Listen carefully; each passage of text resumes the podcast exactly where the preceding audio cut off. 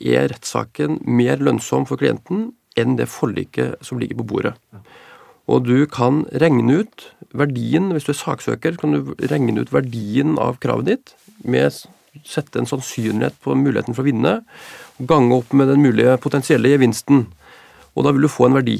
Og hvis forliket eh, som ligger på bordet er bedre enn den sannsynlige gevinsten i denne saken, så bør du ta forliket.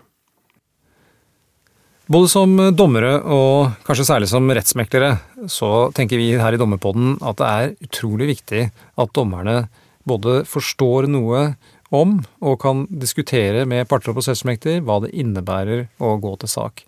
Og kanskje særlig da den risikoen dette medfører. Det er det vi typisk kaller prosessrisiko, og det er det som er tema for dagens Dommerpod. Du hører på Dommerpodden. Du hører Dommerpodden.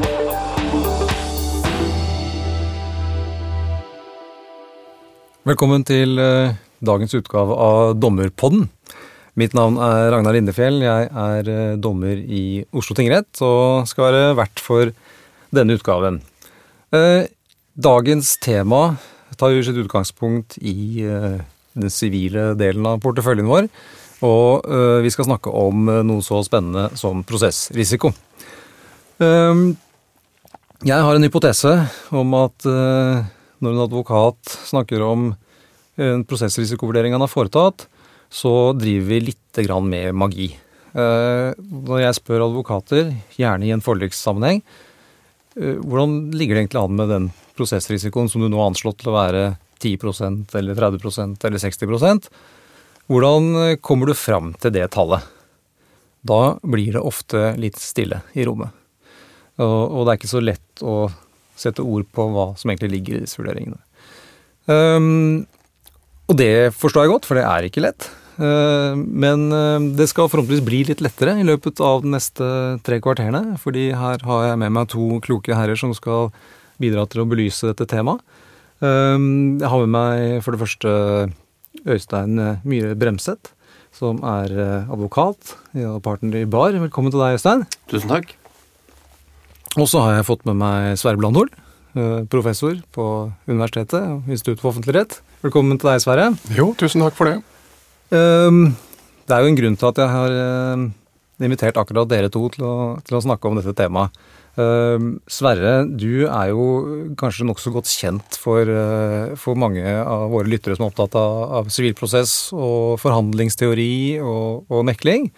Ehm, Øystein, ikke til forkleinelse for deg, men din bakgrunn er jo ikke så akademisk. Du, har, eh, du, du kommer til dette fra litt annet, eh, en litt annen vinkel. Fortell litt om, om deg selv og, og din bakgrunn. Altså Min bakgrunn som advokat altså den kommer jo via jusstudiet, selvfølgelig, på vanlig vis. Og så har jeg vært advokat i eh, Walk-in-advokatene. Det var min start. På gateplan på Grünerløkka. Og så via Brekkhus DG, som det het den gangen, til BAR nå. Så jeg har prøvd liksom advokatverden fra forskjellige hold.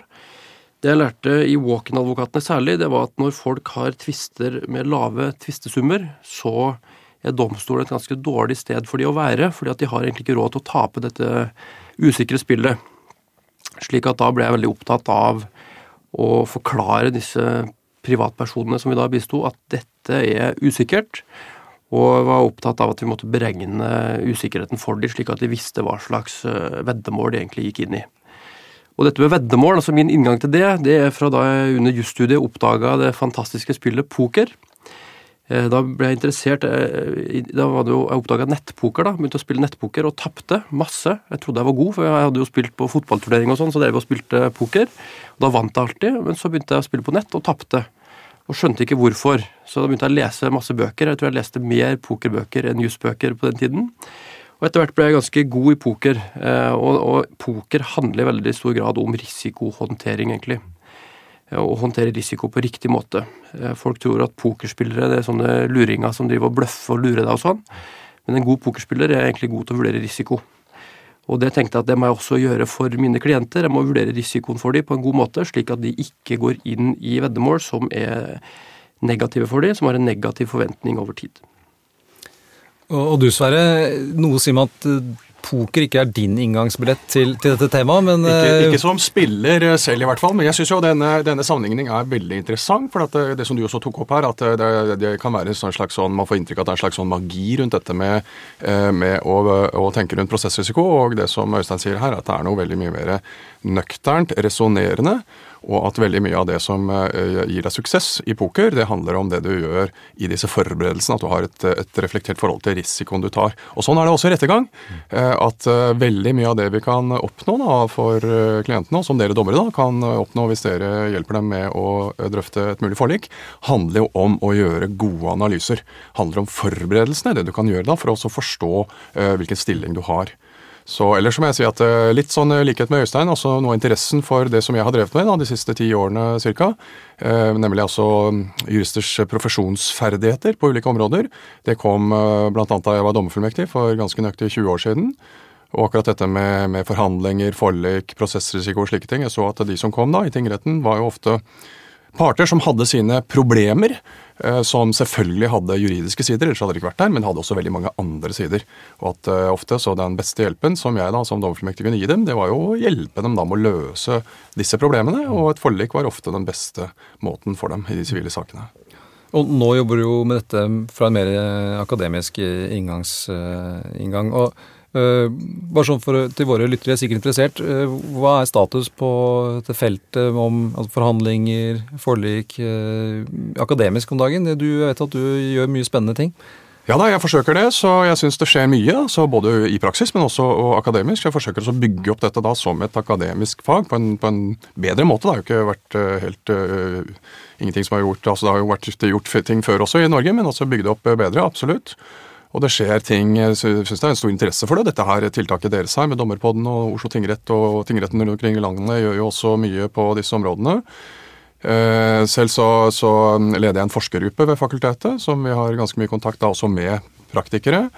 Og eh, vi har et eh, forum for tvisteløsning, hvor vi har da filmseminarer og ulike tiltak, hvor vi da har både akademikere og praktikere involvert.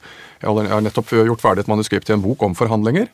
Og kommer til å lage en bok til da, som tar for seg mer komplekse forhandlingssituasjoner, bl.a. dette med forliksforhandlinger og, og prosessrisiko. Og så har vi et fag da, som jeg har eh, eh, satt i, i, i, i sving på forhandlinger, hvor nå studentene da får undervisning i forliksforhandlinger og beregning av prosessrisiko. Det er ikke alle studentene som får dette, hvert foreløpig, men altså de som da tar valgene i forhandlinger.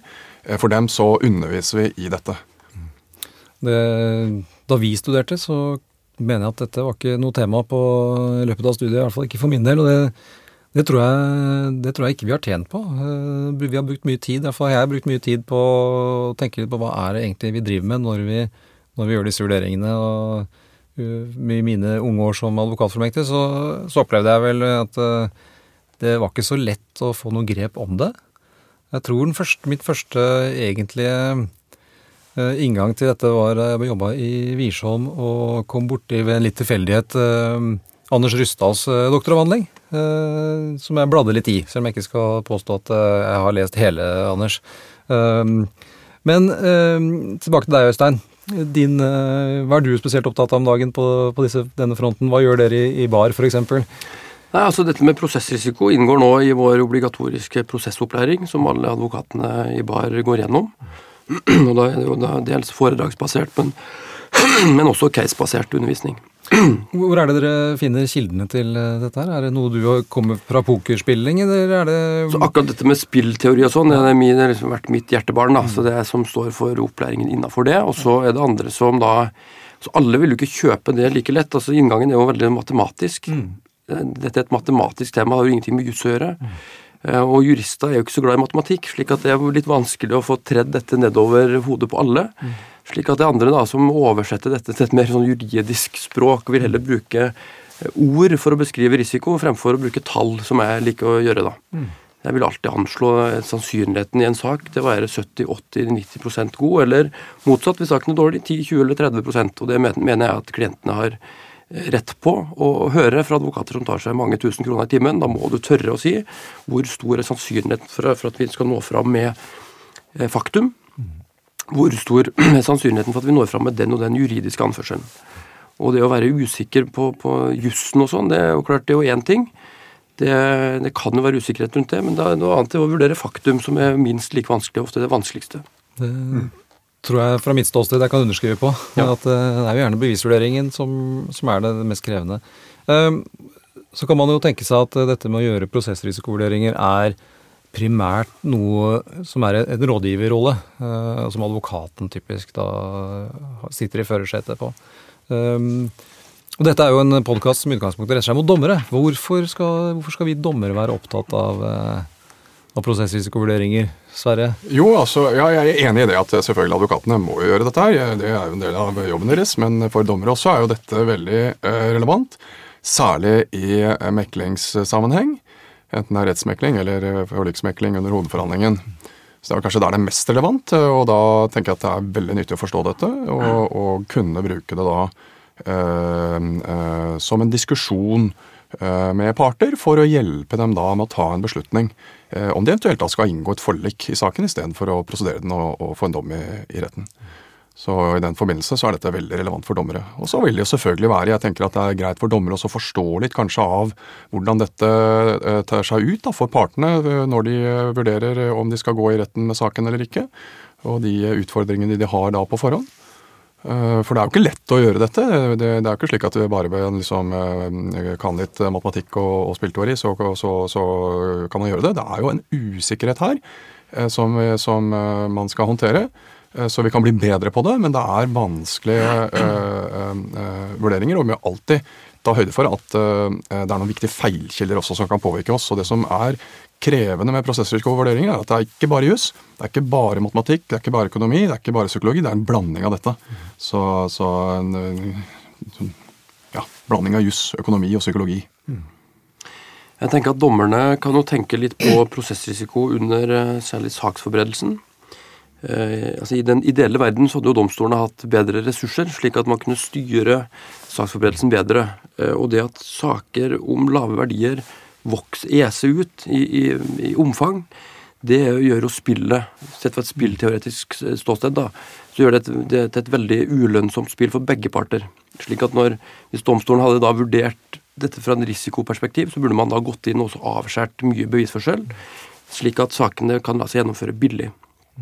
Eh, Sett fra en sånn spillteoretisk eh, vinkling så er det et poeng for advokater å søke å bringe partene inn i et veddemål som blir så billig som mulig for dem. Det er et hovedpoeng. det er liksom Når du går på kasino, så er det, du må velge det kasino hvor huset tar minst penger fra, fra potten. Da er det mer å spille om for spillerne. Slik bør advokater også tenke, men ofte så ser man at sakene eser ut.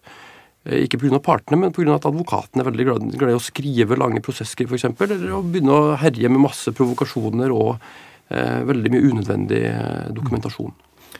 Tror, tror at eh, advokatene ville i mindre grad gjort det, i større grad tatt hensyn til det som kanskje er transaksjonskostnad, da, hvis de var bedre rustet til å gjøre de vurderingene, sånn som du ser det? Eller er det andre krefter kanskje også som spiller inn her? Altså, klart, Klientene vil jo ofte bli veldig lykkelige for at du skriver mye om deres sak. da, slik at, eh, men, men det er klart det er jo egentlig domstolene ideelt sett da, som skulle gått inn og styrt at hvor, hvorfor er dette egentlig relevant for sakens tvistetema.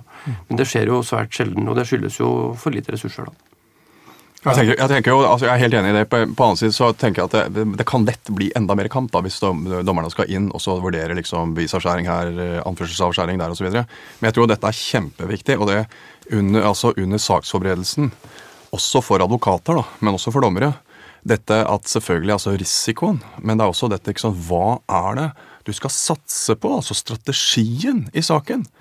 Mye av de samme typene vurderinger som du gjør når du planlegger eh, og, og vurderer prosessrisiko, har jo betydning for strategivalgene. ikke sant? Hva er det? Hvilke typer bevis er det som vi virkelig må konsentrere oss om i denne saken? Hvilke typer anførsler er det som vi virkelig må konsentrere oss om? For det du må gjøre når du begynner å vurdere prosessrisiko, er jo å få et bilde av saken. ikke sant? Hva skal til for at denne saken kan vinnes? Eventuelt. Ikke sant? Hvilke, type, hvilke anførsler, hvis det er en erstatningssak, ikke sant? uaktsomhet, skadelides medvirkning, hva det måtte være for noe, hvilke liksom variabler er det som er inne her, og som dommeren da må ta stilling til? Og hva er det som påvirker dem? Vitneforklaringer, sakkyndige utredninger, hva det måtte være for noe. Så da vil du, hvis du får et godt bilde av dette, det som er relevant for å vurdere prosessrisiko, så vil du også kunne legge opp en god tvistestrategi, og det har jo sammenheng med det Øystein sier, nemlig effektiviteten her, og kostnadene, at du bruker ressursene der du får mest igjen for dem. Helt enig. Ja, Nei, fra, fra mitt ståsted så, så vil jeg også tenke at det, kan være mer krevende for en dommer å gå tungt inn i en prosessrisikovurdering på f.eks. i et planmøte eh, hvor man har stemning og tilsvar. Eh, det er nok eh, det kan utfordre, For det første så er det noe som du er inne på, Øystein, med ressurser. For det andre så kan det også til en viss grad utfordre litt av den nøytraliteten som man er avhengig av for å, for å gjøre en god saksberedelse eh, på et så tidlig stadie. Eh, så kanskje er det mest relevant for oss i, eh, når man kommer litt lenger ned eh, mot f.eks. Eh, i meklingssituasjoner osv. Nå mente jeg ikke å gjøre en sånn full prosessrisikovurdering, selvfølgelig, men Nei, mer å se på tvistesummen Ja. som et utgangspunkt for liksom, både i planmøtet og hvordan skal saken legges opp. Mm. Det er ikke naturlig å ha tolv vitner i en sak som handler om 300 000 kroner, hvor eh, spørsmålet er om det er en mangel ved et bad, f.eks. Nei, det er helt riktig. Og, og der kan man jo også, istedenfor å gjøre disse veldig krevende uh, matematiske øvelsene, uh, så, så kan man også bare vise til det generelle forholdsmessighetsprinsippet f.eks. For og styre ut fra det og si at tvistesummen her forsvarer ikke eh, noe mer enn en halv dag hovedforhandling eller noe sånt, og dette må, vi, dette må dere jobbe med. Eh, Og det er det som står i loven også, at bevisførselen skal stå i forhold til Ja. betydningen og, og tvistens omfang. Og Det er jo en slags sånn prosessrisikovurdering. Det minner litt om det, Det samme. minner litt om det samme. Ja, for prosessrisiko er jo egentlig, det har vi kanskje ikke snakket om, men det er jo, hvis jeg forstår det riktig, sannsynligheten for at resultatet av eh, saken blir et annet enn det du tror. Ikke sant? Og og da har vi jo på en måte allerede vært litt inne, eh, skissert litt hva, hva er konsekvensene at man, når man trår feil her? Når, hva skjer med, hva skjer for den parten? Det er jo ofte sånn, kanskje ikke, man kan kanskje si at i nesten halvparten av sakene, så er det jo en som gjør en feil prosessrisikovurdering. Og konsekvensen av det kan jo bli ganske alvorlige. Ikke sant? Ja da, altså det, det, det, er klart det kan bli det. Og, og det, det handler jo om denne usikkerheten. fordi at eh, jeg pleier jo, jeg syns egentlig det er bedre å ta utgangspunkt i denne beslutningen da, som partene tar. Eh, og advokatene de er jo der for å eh, eh, bistå eh, klientene med å, å få oppfylt deres interesser. Og da kan de beslutte selv å løse saken sin gjennom en, en avtale. ikke sant? Og det har de full kontroll på. Så Det er sikkert. ikke sant? Du vet den andre har tilbudt 200 000 kroner. Det er helt sikkert. ikke sant? Jeg kan få det. Jeg kan si ja. Da får jeg det. Eller du kan gå i retten, og så kan dommeren avgjøre det. Det er usikkert. Ikke sant? Selv om eh, altså, mange mener jo at det er helt riktige svar i jussen, og at det er liksom eh, Jeg vet hva som er riktig, men all erfaring, alt vi vet, viser jo at det er en viss usikkerhet. ikke sant? Noen saker er mer sikre enn andre, men altså er en usikkerhet. Det er jo poenget. Den usikkerheten skal du vurdere. Og det er som sagt ikke lett, og vi har også noen øh, øh, tendenser, da, de fleste av oss, til å trå litt feil her. Så det som skjer, er jo at man får da en kalddusj, fordi man ikke har gjort dette øh, på en god nok måte. Og, og hvis vi skal gå litt til dette med liksom hvordan psykologien kan påvirke oss, så er det jo øh, særlig to ting. Det ene er det at øh, de aller fleste er litt optimistiske. Og også at vi tror liksom øh, godt om oss selv og våre egne evner. Eh, Og Det gjelder jo særlig advokatene. ikke sant? Og det er veldig bra veldig bra at man har tro på seg selv. Men i disse sammenhengene så kan det virke liksom som en, eh, en liten Man spiller litt bein for seg selv. altså. For Vi tror liksom at vi er flinke til det, og så tror vi at denne saken er god. Og så viser det seg at den var ikke så god likevel, og så får vi en kalddusj. Ja, for du, eh, Sverre, i din eh, bok som nå snart kommer, som heter uh, Minn meg på Ja, den den, første boken som kommer heter To pluss to er fem. Og Ja. barn sier at det er jo ikke riktig. Det er jo ikke det, men det, poenget er at hvis du forhandler, da, så kan du skape vekst. Det er poenget. Ja. På en god måte. Og der viser du til, eh, hvis ikke jeg husker feil, noen amerikanske undersøkelser som illustrerer noen av disse usikkerhetskildene. Det ene er vel da eh, på en måte optimismen hos saksøker. Ja. Og det andre går på tapsaversjon hos eh, Ja, saksøkte. Det tenker jeg Ja. kan være interessant å høre litt om. Ja, bare for å ikke liksom eller For å skuffe lytterne. men Altså, det kommer da to bøker. da. Den første boken den har ikke dette om prosessrisiko, dessverre. For at det er mer komplekse forhandlingssituasjoner kommer i en annen bok. Men, men jeg har skrevet om det før også i en artikkel i Lovrett for noen år siden. Men i hvert fall at det er, er på en måte Det er mange ting her, men det er i hvert fall to viktige ting. Det ene er at eh, denne optimismen, da, kanskje typisk for saksøkerne, men for saksøkte så er det en, eh, en farlig ting eh, som har med risikopreferanse rett og slett. Og det er at man har liksom valget mellom å ta et sikkert tap, ikke sant? Ok, betale det som saksøker krever, eller å ta et veddemål. Nemlig at du spiller dette i retten, og så er det dommeren som øver det. Og det som viser seg, er at det er så vondt for oss å ta det sikre tapet. Vi gjør veldig mye for å unngå det. Smerter oss så mye. Og det betyr jo at vi er villige til å ta større risiko. Vi blir gamblere, ikke sant. Saksøkte blir en gambler i retten. Og det kan være veldig farlig. Så disse undersøkelsene som du nevner, altså fra USA, det er jo, dette er jo et vanskelig tema å undersøke empirisk. For at uh, forliksforhandlinger er jo eh, gjerne ikke noe som man protokollerer eller sånt noe, konfidensielt og sånt noe, men i USA så har de en del, del data på dette her. Og det som viser seg er at uh, de saksøkte tar ikke feil like ofte som saksøkerne, men tapene er veldig mye større. Og det er nettopp sannsynligvis, da, hoveddelen av forklaringen er den såkalte tapsaversjonen at vi hater å tape. Og derfor tar vi en risiko. Vi gambler. Og så viser det seg at det var dumt. Tape mer. Egentlig veldig interessant. Gjør Altså, du, det- gjør du sånne Tar du høyde for disse effektene, Øystein, når du i praksis jobber med saker? Ja, ja. Altså, vi, jeg, jeg, pleier også, jeg bistår jo mange byggherrer i sånne entreprisesaker. Ja. Eh, Og jeg, jeg pleier å si både til byggherrene og entreprenørene at den siste som bør mene noe om saken er god eller dårlig, det er prosjektlederen i disse sakene. ikke sant? Fordi at de, de har et perspektiv som er helt sånn innenfra seg sjæl og fra byggeplassen. De har vært der kanskje ett-to år og sett alt som skjedde, og tror at den virkelige sannhet vil komme for en dag, bare jeg får komme inn i rettssalen og fortelle om dette som skjedde. ikke sant? Men dommeren han har jo ikke dette, det samme perspektivet. Vil sitte i et lite rom, skal prøve å rekonstruere dette byggeprosjektet på kort tid i retten. Dommeren får bare med seg en liten brøkdel, og kjempeusikkert hva dommeren vil sitte igjen med av inntrykk. Til slutt, etter at prosjektlederen og alle disse vitnene har kommet og fortalt om hva som skjedde i noen uker i retten. da. Så det er veldig viktig. Vi, altså, vi lærer også opp våre ansatte i beslutningspsykologi nå, i tvistesaker. Fordi at eh, disse feilkildene og sånn er såpass viktige for å vurdere risiko riktig, egentlig. For hvorfor er det da sånn at den som har sittet tettest på prosjektet, typisk prosjektlederen, er den som er dårligst egnet til å vurdere hva som objektivt sett har funnet sted? Fordi han har helt feil perspektiv. altså Han har et sånn innenfra-perspektiv. Det kan du lese om i Kanemann. Tenke fort og langsomt. Den anbefaler alle som driver med tvist å, å lese. Eh, Det å ha et sånn helt sånn rent innenfra-perspektiv er helt gærent. Da gjør du det som ofte kalles for planleggingsfeilen også. Det er egentlig det samme for, for gründere som skal starte en, en, eh, en butikk, en kiosk eller hva som helst. De vil alltid planlegge ut fra det de ser, det som er synbart for de av faktorer som kan påvirke om butikken går bra eller dårlig. Og de vil alltid overvurdere muligheten for å tjene masse penger, og vil undervurdere alle faktorer som kan innvirke negativt. F.eks. at det dukker opp en konkurrent. Så må vi alltid neglisjere det negative og overvurdere det, det positive. Sammen med en prosjektleder da, som har et rent sånn innenfra-perspektiv. Man burde isteden prøve å gå litt sånn øh, uten, finne et sånn utenfra-perspektiv og se dette. Hvordan pleier slike saker å gå, egentlig? For eksempel. Hva er det vanlige i slike saker? Hvor mye gjennomslag pleier entreprenøren å få når de kommer med sånne krav for, for domstolene? Det har vi brukt ganske mye tid på å analysere, og vi tar utgangspunkt i det da, når vi vurderer prosessrisiko, i stedet for å ta utgangspunkt i prosjektlederens historie.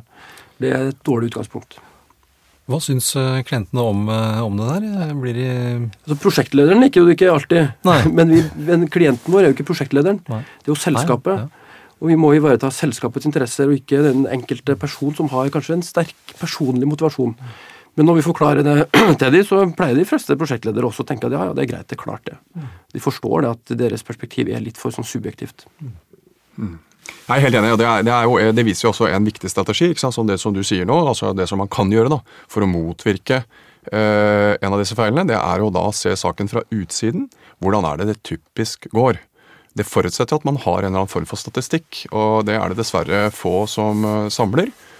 Eh, men det kunne jo eh, store eh, firmaer som har en del eh, saker gjøre, forsikringsselskaper. Er Mulig noen av de gjør det, men også så man kan se sant, hvor det pleier å gå i disse, disse vurderingene våre. Så eh, en annen eh, viktig eh, ting man kan gjøre for å, å motarbeide en annen tendens her, eh, som har litt sammenheng med det som, dette, dette som du sier om innenfra-perspektivet, det er også å tenke det motsatte. For det vi har en tendens til, det er hvis vi vurderer en sak og holder på med den, så, så, så, så er vi jo ikke helt eh, liksom, blinde for at det fins to sider av saken. Overhodet ikke. ikke. Verken partene eller, eller advokatene er det. Man er jo ikke liksom helt uh, hjernedød. Så man skjønner jo at det er både argumenter for og imot. Men vi har en tendens til at vi er litt mer kritiske til de argumentene som går imot det vi tror, enn de som går for det vi tror. De argumentene som, går, som støtter det vi tror, det er jo akkurat det som vi selv eh, mener er riktig, så vi trenger jo ikke granske det, de er jo enige med oss. Men de som er imot det vi tror, det må vi liksom granske litt mer. Hvorfor, hvorfor mener de noe annet enn oss? Og så skjer det da at ok, kanskje jeg er litt enig med dem, men ikke helt. Så det blir en sånn slagside. Alt det som støtter det vi tror på, det tar vi liksom innkasserer motstandsfritt. Mens alt det som går imot, det eh, reduserer vi litt. Og eh, over tid så føler det til at man, man får liksom bekreftet sitt standpunkt mer og mer. Og det betyr da at det er en tendens ikke sant, at det du tror er riktig i saken, det som partene mener, ikke sant, prosjektlederen, advokaten også, ikke sant, jobber seg inn i saken og blir mer og mer overbevist om at dette er en veldig god sak. Mens i virkeligheten så er det kanskje denne bekreftelsesskjevelsen som opererer. Så derfor trenger noen som kan vurdere det motsatte. Kanskje du kan gjøre det selv, eller du kan få hjelp av noen andre. Og én ting som domstolene kunne tilby her, eh, det var jo det at eh, ikke bare som rett, at man hadde rettsmekling, man kunne altså kanskje tilby en sånn early neutral evaluation, typisk i entreprisesakene. At det er ikke en, eh, en sånn ren mekling, men at man rett og slett legge frem hovedpunktene i saken, argumentene, ikke sant, for en dommer som ikke tar avgjørelse, men bare kommer med en uttalelse basert på det som nå er lagt frem, så mener vi saken er sånn og slik. Den dommeren kan selvfølgelig ikke dømme videre i saken osv., men i en stor domstol så har man jo nok dommere som kan brukes senere likevel. Det kunne vært et tilbud her. Eh, eh, ikke sant? For, for, for å, å, redusere denne gambling-mentaliteten i, i domstolene. Ja, Interessant. Kjenner du til at dette er gjort uh, andre steder, eh, Sverre? Ja, ja, dette, ja. dette gjøres jo. Dette var jo I, innenfor domstolssystemet også? Eh, ja, i USA så gjøres dette. Eller i hvert, fall, det, I hvert fall ble det jo veldig Det var han Frank Sander i dette Multidoor court, Courthouse som liksom eh, sånn veldig sånn, som, som, skapte veldig eh, Nesten hele denne Alternative Dispute Resolution-bevegelsen eh, hadde utgangspunkt i dette i denne Pound-konferansen i 1970 et eller annet eh, tall, hvor han snakket om disse tingene. Og early neutral evaluation er jo en sånn teknikk. Så, så, men også det som nå skjer da, på liksom tvisteløsningsfeltet i Norge, er jo at det blir en institusjonalisering av tilbud da, ved siden av domstolen. Ikke i konkurranse med domstolen, men altså sånn at man har jo voldgift, selvfølgelig, men også en institusjonalisering av andre typer tvisteløsningsting. Det er, er på gang et meklingsinstitutt. Vi får jo institusjonalisering av voldgift nå, med bl.a. Nordic Offshore and Maritime eh, Arbitration Association. Eh, og i forlengelsen av dette så vil jo kanskje slike ting kunne være mer tilgjengelig da, eh, ved siden av domstolen, og kanskje også domstolene kan ta i bruk noen flere virkemidler. Ja. Dette griper jo også litt inn i en diskusjon som er veldig aktuell for oss om dagen, dette med dommernes spesialisering. Ja. Eh, hvor vi også har en podkastepisode som, som, er på gang om, om, dette. Hvor vi har snakket med professorene Årli og Sunde i Bergen om, om det. Og mye av det handler jo annet om moderat faglig spesialisering, f.eks. innenfor uh, mekling. Og ja. dette som du er inne på, kunne jo da være et element i, i det. Ja. det. Det handler jo annet også om den økte kompleksiteten som gir seg utslag i, i andre måter å løse tvister på, som du skisserer nå. Ja, da, og pluss at det Nemnder er jo også et, et, element i dette store bildet. Ja, ja og det som, det som, er jo veldig interessant her, er at det er nå en økende eh, bevissthet om og erkjennelse av at dette er også fag. Det, er, altså, det, har vel vært en sånn oppfatning, tror jeg, i, i, som nå er, nok utbredt fortsatt, at blant, både blant dommere og advokater og andre jurister, at det, dette er liksom sånn, dette lærer vi på jobben. Forhandle og, og sånn. Det, det, liksom lærer vi, og som få har vi, gjør vi det mange, mange ganger, så blir vi flinke. Det er ikke riktig.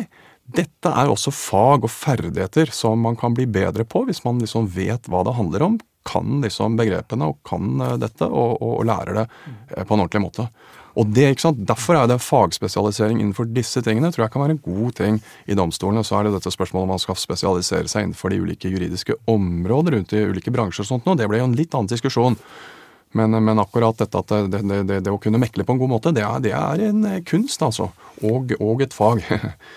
det er det. Og jeg har vel eh, av og til tenkt som så at eh, det å være en god mekler eller en god forhandler kan jo ofte være nesten negativt korrelert med å være en god jurist. Det er jo en brannfakkel. Eh, men jeg våger påstanden i og med at jeg nå tross alt er blitt uavsettelig. Altså, det, er gitt, det er i hvert fall ikke gitt at det er en sammenheng. Altså, en god jurist er ikke nødvendigvis en god forhandler eller en god mekler.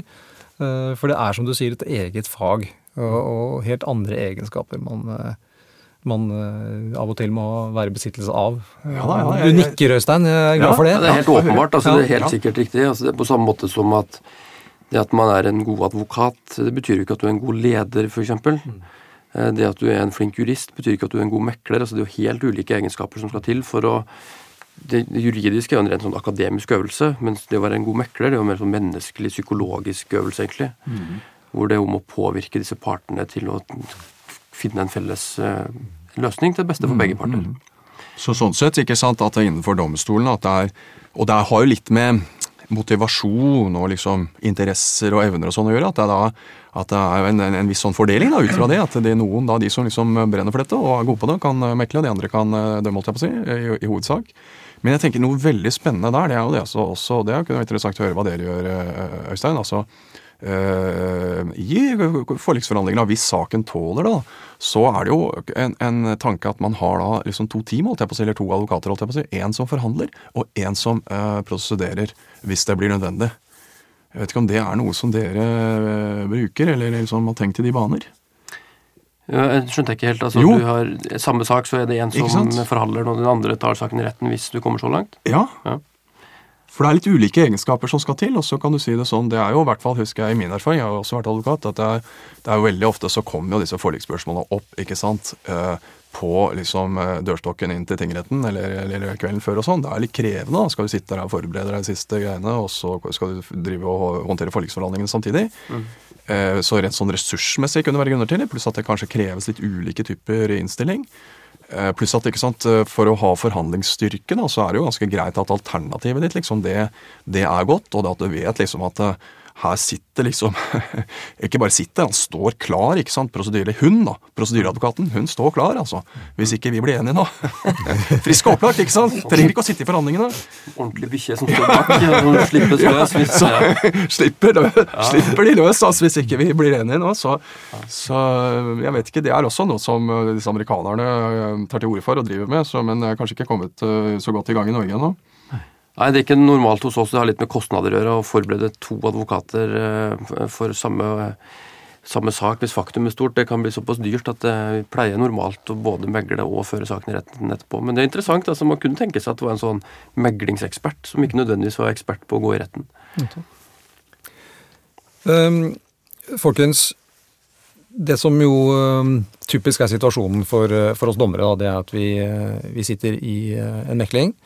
Uh, og uh, advokaten sier et eller annet om at nei, men prosessrisikoen her er jo så liten at dette, dette tilbudet kan vi jo ikke ta. Uh, det er ofte en god inngang til å snakke med advokat og part om prosessrisiko. Og vi er vel som regel da i et særmøte, gjerne, når man tar den, den diskusjonen. Um, og for min del så opplever jeg ofte at den diskusjonen ikke blir så god. Og det kan jo ha sammenheng eh, med to ting. Det kan jo ha sammenheng med at advokaten ikke helt eh, egner eh, evner å, å kvalifisere det han mener når han snakker om prosessrisiko. Det andre er at heller kanskje ikke vi som er meklere eh, har tenkt så nøye gjennom det.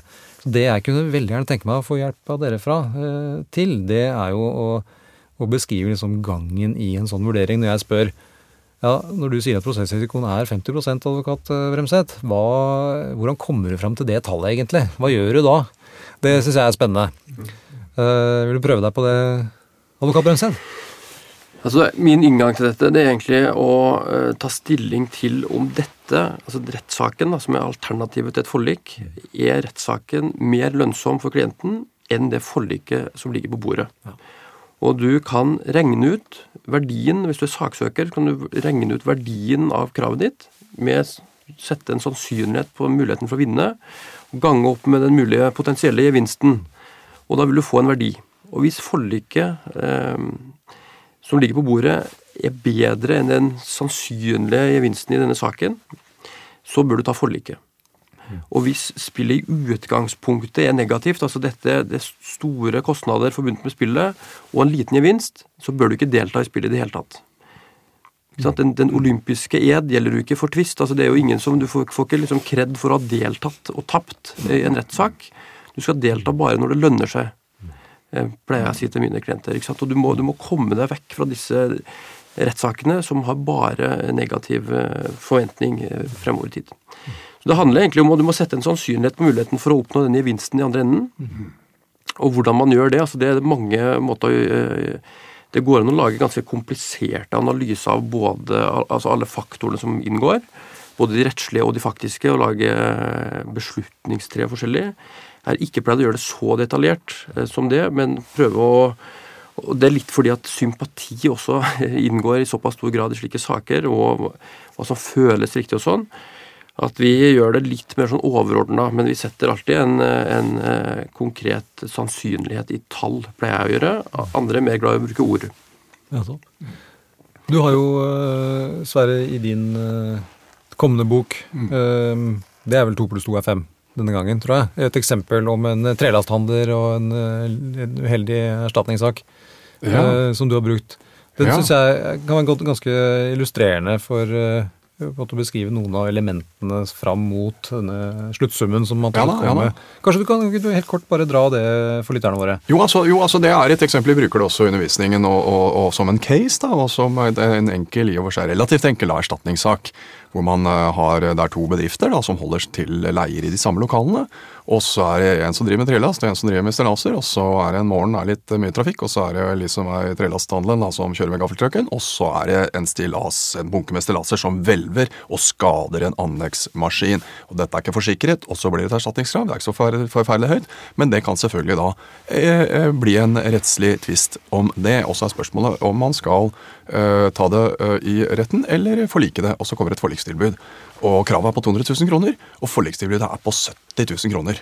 Og det høres i utgangspunktet veldig eh, dårlig ut, eh, men hvis man begynner å regne på det, og det er det, der tenker jeg akkurat det spørsmålet litt også om, den dialogen som dommere kan ha med advokater, eh, den, den, hvis man gjør det på riktig måte, så tror jeg det kan være veldig eh, interessant for eh, advokat og klient og for dommer, for å da få et godt beslutningsgrunnlag.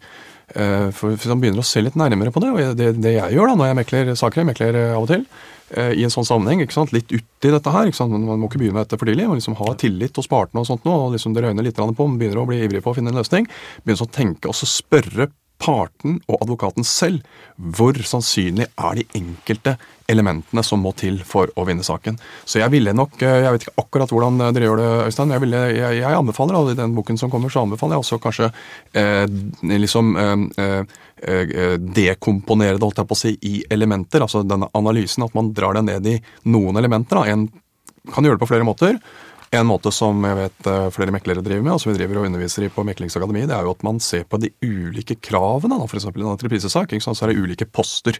Man kan få en sånn eh, oversikt over dette. Og så eh, kan man jo da, ikke sant, og det er typisk særmøte, som du sier selv, ikke sant. Og så spør du da den siden som du sitter og snakker med, ok, hvor sannsynlig er det at dere får gjennomslag for dette hvis det er en dom som skal avgjøre? Hvor, hvor sannsynlig tror du det er? Og de, de, det er jo veldig sjelden altså, at noen sier at det er 100 Det skjer jo ikke at det er ingen som sier 90 heller, ikke sant? Kanskje de sier 70% Ok, la oss bare regne på det. Og så kan du si ok, øh, øh, liksom hvis ikke du, du får til eller liksom nok øh, nyansering der, så, sier ok, det er jo slik at noen ganger så går det skikkelig skeis. ikke sant? Det kan være dommere som liksom eh, har en dårlig dag, eller ikke liksom skjønner resonnementet ditt osv. Hvis du virkelig det er skikkelig regnværsdag i retten, liksom, hva er liksom det verste Hva er det verste som kan skje da? ikke sant? Så du får et på sånn, sånn most likely, det mest sannsynlige scenariet. Det aller verste scenariet. Og så kan du liksom, for det, På den måten får du litt flere eh, varianter å tenke på. så kan du liksom, øh, For dette er jo en diskusjon. ikke sant? Du skal jo ikke som dommer sitte og fortelle dem liksom hva kan være. Det vil være helt feil. Men det, det, det, fører til en, en erkjennelse, da, en erkjennelsesprosess hos partene. Ser det at det, liksom, det kravet De tror det er klart du har 200 000. Kanskje vinner du 200 000, men det er en usikkerhet der. Så hvis du begynner å regne på ok, liksom, nei, nei, nei, det er kanskje ikke så så høyt likevel. Og akkurat det eksempelet som du nevnte nå, hvis vi sier at vel, det er to sentrale eh, premisser for at eh, man skal få gjennomslag for erstatningskravet, nemlig at det var uaktsomhet ikke sant, hos en ansatt hos denne trelasthandleren, og at ikke det var medvirkning. For disse stillasene, ikke sant, de ligger der ute på plassen. Hvorfor, hvorfor ligger de der? Er de buntet sammen ordentlig? og sånt? Da kan det være et medvirkningsspørsmål her. Det er hovedpremissene. La oss si liksom at de andre tingene, for enkelhets skyld, de, de er ikke noe å hefte ved. Ok, hva er det som kan influere på uaktsomheten? Hva er det som skal til? Hva er det du må si, liksom fortelle i retten holdt jeg på å si, for at du skal få medhold på det? Jo, må jo være noen vitner som forklarer seg om dette. Kanskje er det noen retningslinjer eller andre aktsomhetsting som har betydning for aktsomhetsnormen osv. Så, videre. så får du oversikt over hva er det som skal til for å vinne saken. Og så, videre. og så da kan du, jo, kan du jo øh, Og dette er jo litt komplisert, det er ikke så lett å formidle dette på en podkast, men de, jeg mener at det er der man må sette inn sannsynligheter på, på remissene. Og så kan du begynne å regne på dette her. Og i dette eksempelet her, da, sett at det er altså Nå husker jeg ikke akkurat hva var eh, liksom eksempelet vårt, men altså sett at du, regner med at det er en 70 eh, sjanse for å, vinne på aktsomhet, og 50% på, på uh, dette med medvirkninger. Hvis du begynner å regne litt på det, så, så er liksom denne verdien at kravet ikke er fullt så høy som, som du kanskje trodde. Og det du også må tenke på, er jo saksomkostningene. Og det beregner du egentlig på akkurat samme måten. ikke sant? Det er jo, Du kan vinne, eh, du kan tape, eller det kan bli eh, at hver part bærer sine omkostninger. Og så bare setter du inn sannsynlighet om dette her. Og så er det jo slik at det å få en dom, det tar jo tid. Og du får jo normalt ingen penger før ø, eh, dommen er rettskraftig og oppfyllelsen er ute osv. Og, og um, penger har jo en tidsverdi. ikke sant? Hvis du får pengene nå, så kan du gå og så putte dem i banken eller i aksjemarkedet ikke sant? og få en avkastning. Hvis du må vente, så må du vente på avkastningen. Så én krone krone i dag er mer verdt enn en krone i morgen eller en krone om et år. Det bør også ta hensyn til. Og der tenker jeg dette med ankerisiko. Mange snakker, og da blir det som prosessrisiko så veldig vanskelig, for at det blir ankerisiko, og alt blir så usikkert. Men egentlig koker jo det ned til tidsverdien av penger. Mm. Ikke sant? Du må dras eh, saken gjennom to instanser, eller kanskje tre instanser. Og det tar mer tid før du får et endelig resultat. Her er det jo veldig mye interessant å ta tak i. ikke sant? Og dere nevner jo uh, både Du Øystein nevnte dette med liksom, følelser hos parten, og du nevnte dette med usikkerhet av utfall, avgiving av f.eks. dommer. Ja. Og, og, og, og, kanskje også dette med, med tidsverdien av penger. og disse, ja. altså, Det er litt sånn eksterne faktorer. Transaksjonskostnader og usikkerheter rundt uh, ting andre gjør. Og litt tilbake så, til de spørsmålene. Ja, det var ja, for at Jeg følte kanskje at det, det, det, sporet litt vekk fra de spørsmålene. Men ja. dette er jo ikke sant, dette er komponentene i dialogen mellom advokat og dommer. Og hvis dommerne lærer mer om dette, så blir det lettere. Hvis advokatene lærer mer om det, blir det lettere. Og dette kan selvfølgelig advokaten gjøre på forhånd, men det er klart at det skjer ting underveis i saken osv. Det er ikke alltid at det er liksom advokatens feil holdt jeg på å si, at denne saken eh, havnet i retten hvis den burde vært forlikt. Og eh, jeg opplever i hvert fall mange ganger i mekling at jeg ser liksom advokaten se på meg liksom med et takknemlig blikk. Fordi vi får denne diskusjonen, ikke sant. Nå liksom, nå, nå demrer det uh, hva vi egentlig snakker om her. Og så får man en løsning, og, og alle er fornøyd med det.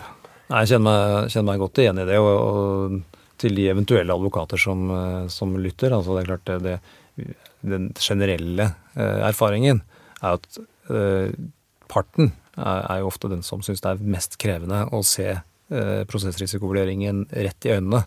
Og veldig ofte så er advokatene gode hjelpere i, i den sammenheng. Uh, det jeg tenkte, Min, min, min sånn refleksjon til det, du, det dere egentlig begge to snakket om, var at man kan, kanskje er det hensiktsmessig å kategorisere disse vurderingene egentlig i to sånne hovedbolker. Det ene er jo litt det man selv har kontroll på. Ja. Vurderingen av faktum. Hvor sannsynlig er det at retten vil tro på dette, legge dette til grunn. Eh, det andre er vurderingen av både juss og subsumpsjon knyttet til det faktumet. Og så er det alle disse eksterne faktorene som dere har snakket om, som man ikke har kontroll på. Er det en fruktbar måte å tilnærme seg på, syns Øystein? Ja, altså jeg pleier å dele opp i tre. Altså du må mm. anslå hvor mye vinner du når du vinner. Det er det mm. første. Hvor mye taper du når du taper? Og hvor stor er sannsynligheten for de to mulighetene? Og så må du kumulere dette inn en verdi, til en verdi for saken. Og, og, parter har altså For det første så undervurderer man kostnadene, fordi man kanskje tenker at ja, det koster 200 000 eh, å føre saken i retten. Ja, Det er din egen advokat for tingretten. Og Så har du motpartens advokat, som bruker sikkert det samme. Og så har du ikke kontroll på om motparten vil anke. Du kan godt vinne for tingretten, men motparten vil da fort anke. Så har du én runde til. Det blir 200 000 til på din egen side og 200 på den andre side. Da er det 800 000 som er tapsrisikoen, og ikke 200 000 som du kanskje tenkte først. Det, det undervurderes ofte. Og så er parter og mennesker egentlig dårlige til å forholde seg rasjonelt til usikkerhet. Så Hvis du sier til noen at det vi, sannsynligheten for å vinne 70% og for å tape 30 så tenker de ofte bare at ja, det her er en veldig god sak. For de tenker at det usannsynlig ikke vil skje 30% høres så lite ut. Men man lærer i hvert fall i poker at det usannsynlige det skjer hele tiden. Hver dag overalt i verden så skjer det mirakler. Sånn helt usannsynlige ting som skjer. Og 30% sannsynlighet, det var jo det man anslo i sannsynlighet i USA for at Donald Trump skulle bli president. Omtrent. Basert på meningsmålingene. Og så sa folk ja, men det er noe gærent med meningsmålingene, da. Som sa at Hillary Clinton kom til å vinne eh, med 66% sannsynlighet, og Trump bare en tredjepart. Men det er ikke noe gærent med meningsmålingene, det er bare at det er litt mindre sannsynlig faktisk skjedde. Og det skjer hele tiden. Det vet man når man spiller poker. altså. Da har du uflaks hele tiden. Jeg tror også dette er også skillet mellom altså det vi har kontroll på, og det som er usikkert, er veldig fruktbart. Men jeg er ikke helt med på det at eh, man har kontroll på faktum. Så jeg tror vi må skille på en litt annen måte. For det du har kontroll på, ikke sant, fra et beslutningsperspektiv som part, da, det er jo ok, forlik. Det er full kontroll. ikke sant? Har et tilbud. Jeg kan akseptere det. Kan ikke ha mer kontroll av det. Det som skjer i retten, det har du ikke kontroll på. Det er ikke du som bestemmer. Det er dommeren som bestemmer. ikke sant? Og det er det mange som ikke tar inn over seg. Skjønner ikke det. Det er usikkert. Skjønner ikke hvor usikkert det egentlig er. ikke sant? De tenker Advokater tror jeg også det er, Jeg tror det er en veldig utbredt forestilling at det, liksom, det er mer kontroll ved å prosedere saken i retten enn ved å gå inn i forliksforhandling. Men det er ikke riktig. For du, det er ikke du som tar beslutningen. ikke sant? Så det er jo også viktig i sånn, eh, altså denne, altså teorien rundt dette, altså med å ta beslutninger under usikkerhet. ikke så Skille godt mellom hva du har kontroll på, og hva som er usikkert. Faktum er usikkert. Rettsreglene og anvendelsen av dem er usikkert. Eh, Sympati hos dommerne er usikkert. Eh, Hvor lang tid det vil ta er usikkert. Kostnadene ved dette er usikkert. Alt dette er usikkert. Det er jo ikke slik at det er liksom eh, overhodet ingenting man kan si om det. ikke sant? At det er liksom, Du kan like godt kaste mynt og kron. ikke sant? Men det er, det, er ikke, det, er ikke, det er ikke determinert. Men det at det da er det, er- det, er- det, er- Du kan beregne sannsynligheter. Det er jo hemmeligheten her. Det er det som er nøkkelen. Det er det som gjør at det ikke er, dette ikke er magi. Men, men, men det er, det er, en, det er, en, det er en, en, et system i galskapen. Så det er bare om å gjøre for dommere da, som sitter og lytter til dette her, og for advokatene selvfølgelig, å skjønne mer av den systematikken og det man kan gjøre her. Man må også tenke på at altså, mennesker flest er jo ganske risikoaverse. Det, det er veldig veldig få jeg kjenner som er villige til å gå på et kasino til å satse 1000 kroner på en rulett med 50 sjanse for rødt eller, eller svart. Det er nesten ingen som gjør det. Men i rettstvister, hvis du havner i en tvist, da er du villig til å satse mange mange hundre tusen, kanskje en million, på noe som er omtrent like usikkert. Det er bare at du skjønner ikke at det er det du gjør. Og det er en viktig advokatoppgave å for, også forklare det. At dette er omtrent som å satse sånn og slik. Kanskje er oddsen litt bedre, da. Kanskje det er 70-80-90% Men det er jo sjelden advokater tør å si at det er mer enn 90 sjanse for å vinne frem. Nå høres det ut som, det ut som at vi mener at folk skal aldri gå i retten. det, det, det vil være helt feil. Jeg mener at det er veldig viktig altså, at, at sant, noen saker som, som eh, bør prøves i retten, så det, det, det, er, det er superviktig at vi liksom ikke glemmer bort det. Men det er det å ta disse beslutningene på en eh, god måte. da. Uh, og jeg er helt enig, ikke sant, det der, uh, det der at For det, er, det, jo, det, er jo noe annet viktig da, som er viktig å forstå her. Det er dette med psykologien. ikke sant, det er dette at liksom, De forventningene vi har til det vi driver med, ikke sant, de rammene liksom, rundt det vi driver med, er veldig viktig. Så i kasino, ikke sant, det skjønner du, det er gambling. Men rettssal, ikke sant, det er rettferdighet. det. Det er sannhet og rettferdighet. Hva er det som står over, ikke sant? Eh, Hva er det som står liksom, i norske rettssaler? Sannhet og rettferdighet. Ikke sant? Det assosierer med det. ikke sant? Og da tenker man ikke på disse tingene som vi snakker om nå. Fordi man har et helt annet forhold til det. En annen ting som er viktig, det er det at øh, øh, en, som, som jeg tror sikkert mange skjønner, altså, men det er ikke sikkert det er godt å minne om det, det er at det, skjer en opptrapping sånn i konflikt øh, i forbindelse med at man tar ut stevning og, og søksmål og sånt noe. Og, og det er, en- da er det masse følelser og masse guffe, ikke sant, grums, som rører seg. Og det gjør at folk blir litt gærne. ikke sant? Så den risikoviljen øker. Og det som kan skje, og dette er veldig interessant, øh, liksom man kan illustrere det liksom i øvelser og sånt noe, man kan se det i virkelige forhold også, dette at det, i utgangspunktet, hvis du tar ut øh, stevning, ikke sant, så tenker du at her skal jeg vinne noe. Det er det du sier, Øystein, også. Men etter hvert så kan motivasjonen endre seg. Så man skjønner her at vel, vel, altså det, er- det som vinningen, liksom, den går opp i spinningen. Skal man begrense kostnadene? liksom prøve å begrense kostnadene. Etter hvert så blir, er man blitt så forbanna at dette har holdt på så lenge, at man tenker at det, dette koster og smerter oss. Men det gjør det også for de andre, ikke sant? De også lider! så man er liksom opptatt nesten av å skade de andre. Man, det blir en sånn kompetitiv irrasjonalitet, eh, kalles det. Vietnamkrigen er et kjempegodt eksempel på det. ikke sant? Det var galskap i gigantdimensjoner. Så han kunne jo ikke vinne den krigen. Eh, Men, men stoppet det eh, amerikanerne liksom for å fortsette? Nei, det var jo altså i, i liksom eh, generalene og sånt nå, så sa de sånn det, det, det eneste som eh, vi mangler her, er, er mer napalm. Ikke sant? ja, det, det, ikke sant? Og, og det var også sånn utsagn, ikke sant. 50 000 amerikanske soldater har dødd. De kan ikke ha dødd forgjeves. ikke sant? Må fortsette krigen. Og, og denne, denne galskapen den kan man også i mindre målestokk eh, ha i rettssaker. Det er også viktig å være klar over. Den, akkurat den siste der er litt eh, morsomt. Eh, Analogien til dette er vel det man kaller for uh, sunk cost, er det ikke det? Er sunk cost, Uh, sunk ja. cost fallacy, mener jeg husker fra, fra Kahneman, stemmer ikke Ja, det, Øystein? Helt At, riktig. eh, Det er akkurat har- samme psykologiske fenomen i poker også, som man må lære seg når man spiller poker. At de, de pengene du har lagt i potten, de er ikke mer verdt enn andre penger. Altså det, men det føles slik. at du, Nå har jeg satsa dette, det er lagt i potten, jeg må få disse hjem igjen. Så de, de pengene føles mer verdt enn en andre penger, og det er helt feil. Og det samme i tvist. Jo lenger partene har holdt på da, og brukt penger på, på den tvisten, jo vanskeligere er det liksom å finne det fornuftige forliket. Ja, ja, ja. Det, er det, er det, er forskning, det forskning som viser det er på sånn veddeløpsbaner, at innsatsen øker mot slutten av dagen. Så for da har, har de som spillerne har tapt penger, så skal de ha det igjen. Det er jo dessverre ikke det som skjer, da.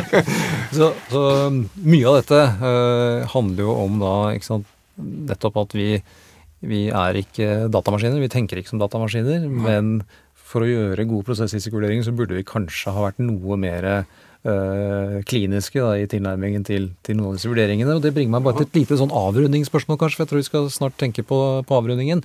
Men vi har jo hatt en annen episode i denne podkasten som folk bør lytte til. Det er teknologi i domstolene. Teknologi og bruk av teknologi i denne typen vurderinger. For, kan det også være med på å på redusere andelen av det man liksom magisk kaller for et slags klinisk skjønn, judicium? Eh, er skjer det noe der, Øystein? Vi har et datterselskap som heter Bar Leap, som jobber med sånn teknologisk utvikling. og De ser nå på mulighetene for å finne programmer som kan hjelpe til med prediksjon av, av rettssaker. Og kunstig intelligens er ganske velegnet for å forholde seg rasjonelt til usikkerhet. Og analysere store mengder data av- lignende sakstyper og finne en grunnfrekvens for hvordan sakene ender, f.eks. Se på hvordan den enkelte dommer, hvordan pleier det å gå med denne dommeren i retten. Eh, Hvor ofte vinner motparten i denne saken? Denne advokaten, er det en advokat som pleier å vinne ofte? Det er jo noe man kan vurdere, ikke sant. Og eh, I USA har de gjort en del eh, forskning på dette, og kunstig intelligens og datamaskiner er ganske gode til å spå utfallet av eh, rettssaker. Har man sett, og vil antagelig utvikles bedre og bedre. Men jeg tror at det er kombinasjonen av kunstig intelligens og sånn sunt bondevett, eh, jeg tror det er den kombinasjonen som vil eh, gi de beste spådommene om hvordan saker går, og best prosessrisikovurdering. Så det er noe vi jobber med da. Ja, da, jeg tror også det at, at det altså, teknologien har eh, muligheter her. eh, Og, der er jo norske domstoler da, med, med, med aktørportalen og disse tingene er jo en veldig bra ting. Bare for å ha nevnt det i en bisetning også, at det skjer er viktige ting som liksom eh, effektiviserer, ikke sant. Og, og, sånn. Og, og også på disse områdene her sånn. Vi har jo også hatt uh, nylig et seminar eh, i denne forskergruppen hos oss da, om, om akkurat eh, dette med tvistens første fase, og hvor, hvor dette med da muligheten til å bruke rettslige prediksjoner var et av temaene. Det kommer en publikasjon av det uh, etter hvert eh, senere også. Et problem der uh, er jo at uh, man må ha ganske mye data da, uh, for å, å kunne gjøre såkalt maskinlæring. Eh, og i, eh, i større samfunn så, så kan man kanskje få det. Det er litt vanskelig på en del saksfelter i Norge i hvert fall, ifølge disse som, eh, som jeg har snakket med. Så det er ett problem. En annen ting er at vel, vel, altså jussen selvfølgelig er usikkerhet der, men, men mitt inntrykk, og jeg tror kanskje man kan få det empirisk bekreftet også, er at faktum betyr ofte mest. Så det er jo det å få da en håndtering av det. Eh, og det er ikke kanskje så lett å få liksom, robotene til å, å ta den delen av det. Eh, men når det er sagt, så tenker jeg altså disse, dette med liksom å regne Altså, jeg tror den jobben, da, eh, foreløpig i hvert fall må gjøres av mennesker, med å få en oversikt. ikke sant? Hvordan kan saken vinnes? ikke sant? Hva er det det handler om? Jo, aktsomhet og kulpa og de tingene der, og medvirkning og sånt, for å gå tilbake til det eksempelet. Den oversikten det, tror jeg kanskje at vi mennesker bør gjøre enn så lenge. Men når du først har liksom fått opp det, og fått lagt et sånt beslutningstre da, som du kan lage logisk, ikke sant? hvis du kan få puttet det inn i en, et, et, eh, digitalt eh, verktøy, så kan det jo variere da, vil jo, ikke sant, som vi snakket om, liksom variere litt her. Hva skjer liksom hvis vi, hvis vi oppjusterer eller nedjusterer sannsynligheten for at vi får gjennomslag på vaktsomhet? Hva skjer da? Brrrt, får et nytt eh, resultat. Det kan være ganske interessant. Og jeg vet at BAR, det er veldig bra, dere er fremme her. Wiersholm har eh, et system som eh, de eh, har hatt en presentasjon av hos oss på universitetet. På selve faktumsiden. Jeg vet ikke, eh, eller er mulig at de vil jobbe videre da, med denne typen eh, ting.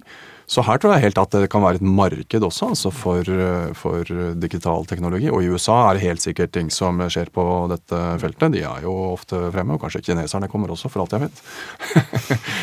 Kineserne kommer nok. Det er det eneste som er sikkert. Um, det er jo i og for seg eh, Da, da tror jeg vi tar med oss det at eh,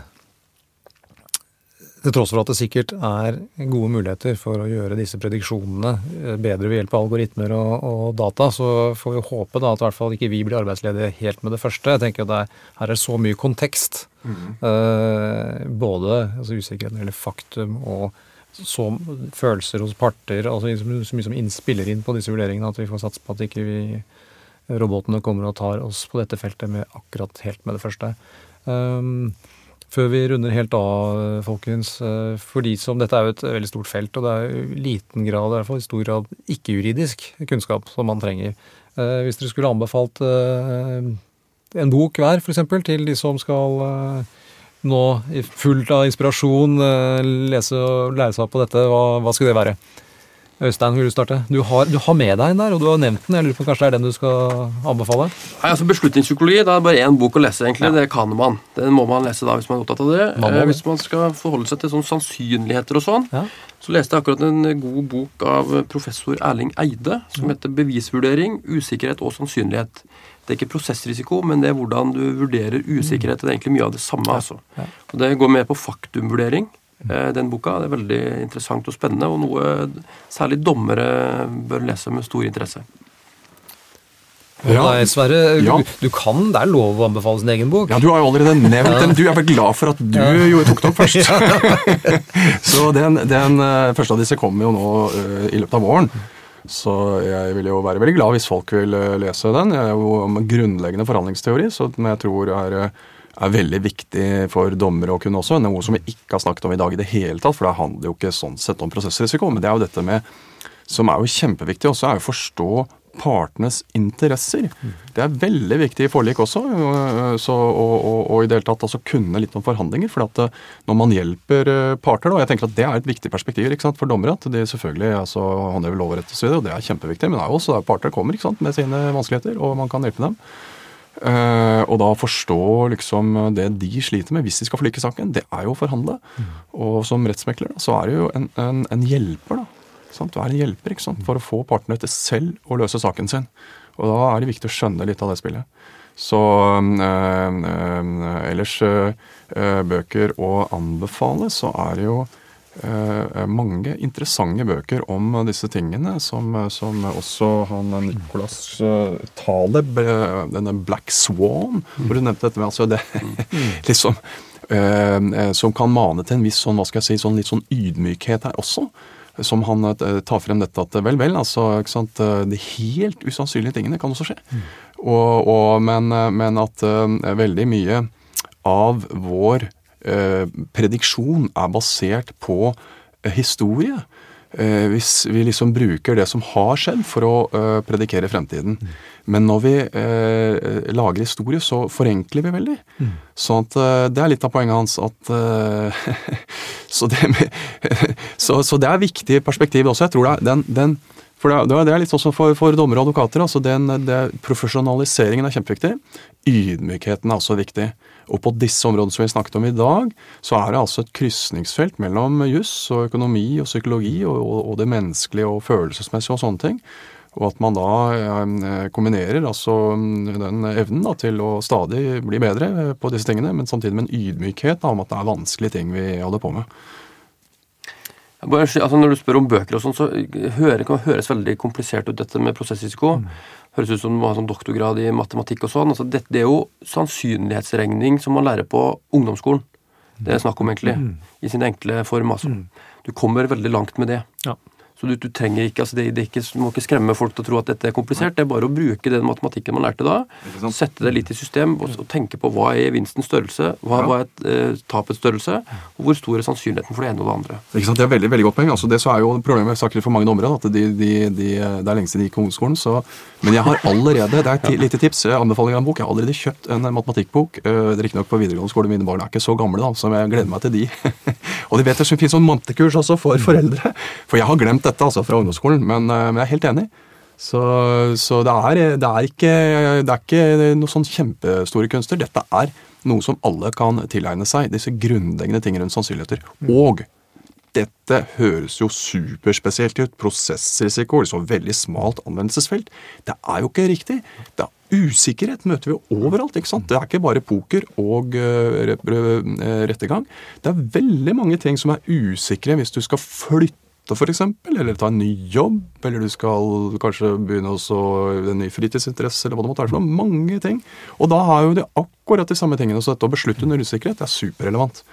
Det er også en bok. Nå har jeg tenkt meg om, Nå om om, eh. Nå har jeg endelig fått, eh, fått eh, svar på det spørsmålet ditt. litt. Det er en veldig god bok faktisk om dette. Smart Choices. Eh, som er skrevet av tre forfattere, bl.a. Howard Rifa. eh, Mm. Som også, Det er tre sånne Harvard-folk. eh, I hvert fall en av de, muligens to professorer, også en fra næringslivet. Det er virkelig en kort og fin bok. Smart Choices er ikke oversatt til norsk, dessverre, men det er en virkelig god bok om å ta beslutninger. Da skal jeg eh, ta en beslutning eh, under eh, liten grad av usikkerhet, og det er at denne episoden nok går mot slutten. Vi kunne fortsatt denne samtalen tror jeg veldig lenge, men på et eller annet tidspunkt så må man bare si stopp, folkens. Jeg må bare si tusen takk for at dere kom hit til Dommerpodden for å øse av respektive kunnskaps... Hva heter det? Kunnskapstrær? Nei. Kunnskapskrukker. Uansett, takk til deg, Sverre, og takk til deg, Øystein. Vi får heller komme tilbake med andre episoder, f.eks. om tema forhandlinger, som hadde vært veldig spennende. Tusen takk skal dere ha. Jo, takk, Hyggelig. Bare hyggelig. Du har hørt på Dommepodden. Dommepodden er en podkast fra Norges domstoler og er først og fremst ment som et kompetansetiltak for dommere. Hvis du har ris, ros, forslag til temaer eller folk vi kan prate med, så er vi glad for å høre fra deg, og da kan vi nås på podkast at domstol.no. Ha en god dømmende hverdag så lenge. Vi høres.